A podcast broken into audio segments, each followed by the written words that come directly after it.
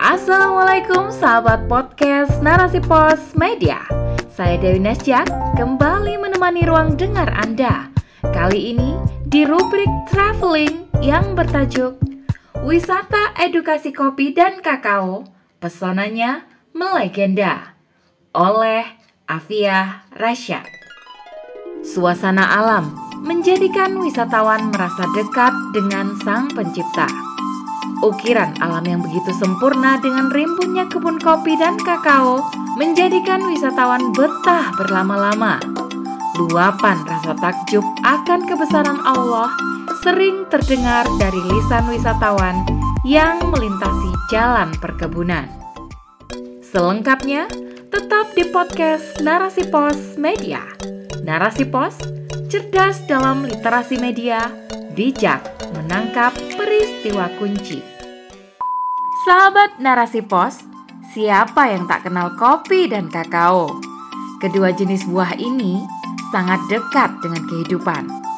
Aroma kopi dan kakao sungguh memikat dan rasanya pun nikmat. Pohon kopi ataupun coklat banyak tumbuh di dataran tinggi alias wilayah pegunungan. Di Jawa Timur banyak terhampar gunung, salah satunya di Kabupaten Jember.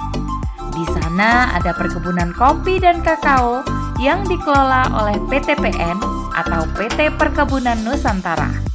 Kebun kopi dan kakao ini dijadikan tempat wisata edukasi.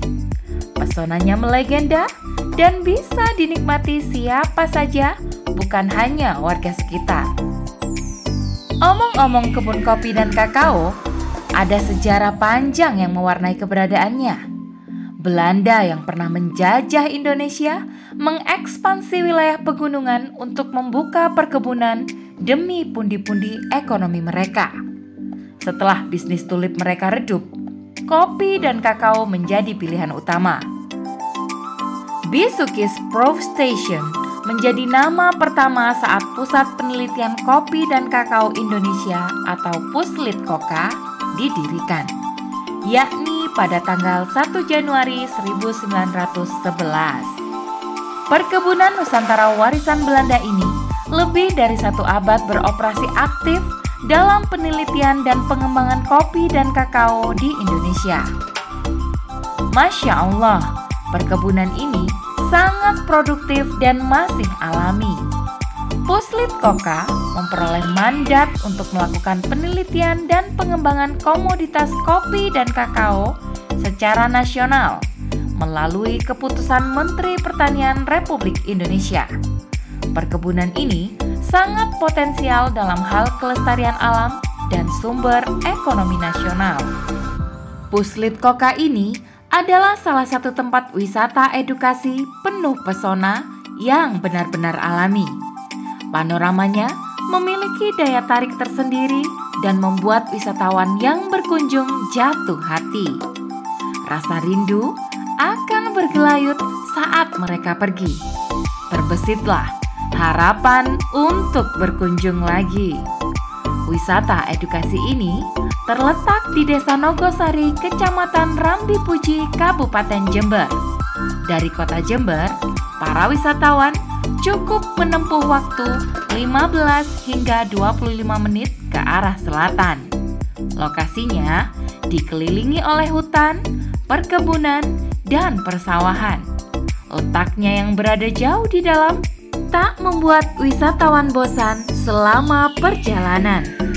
Sebelum sampai ke wisata edukasi Puslit Koka, perjalanan wisatawan akan ditemani perkebunan karet yang begitu luas mangkok kayu di tiap-tiap pohon karet masih melekat. Bekas petani menyadap getahnya. Sungguh, pemandangan itu menjadi sumber pengetahuan langsung bagi wisatawan. Beberapa rumah dinas karyawan dengan bentuk bangunan kuno masih kokoh berdiri dan dihuni. Lingkungannya pun masih begitu asri. Setiap halaman rumah dinas kuno dengan arsitektur bangunan Belanda dilengkapi dengan pohon rambutan. Pesona menuju wisata edukasi kebun kopi dan kakao ibarat legenda masa lalu yang tak lekang oleh zaman. Udara segar akan tercium sempurna, bebas melesat hingga ke paru-paru.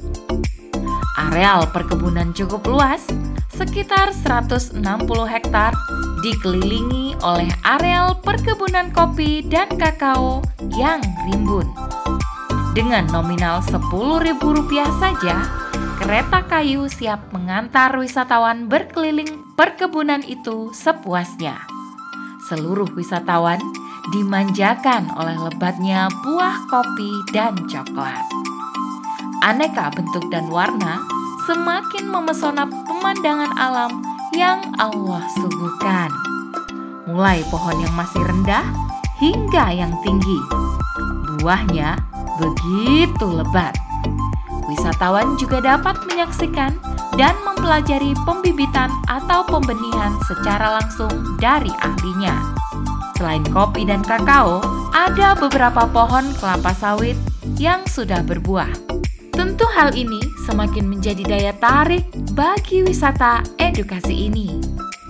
Pabrik kopi dan kakao memproduksi berbagai produk yang bisa dijadikan buah tangan. Restoran kopi dan kakao menyajikan berbagai olahan kopi dan coklat. Kopi robusta ataupun arabica semua low acid, barista siap melayani para pecinta kopi dengan segala keterampilan yang mereka miliki. Varian produk kakao juga tak kalah menggiurkan. Coklat dingin atau panas, kue dan permen coklat, coklat batangan, coklat bubuk, suar-suir coklat, dan olahan lainnya akan menarik hati tiap wisatawan untuk mencoba.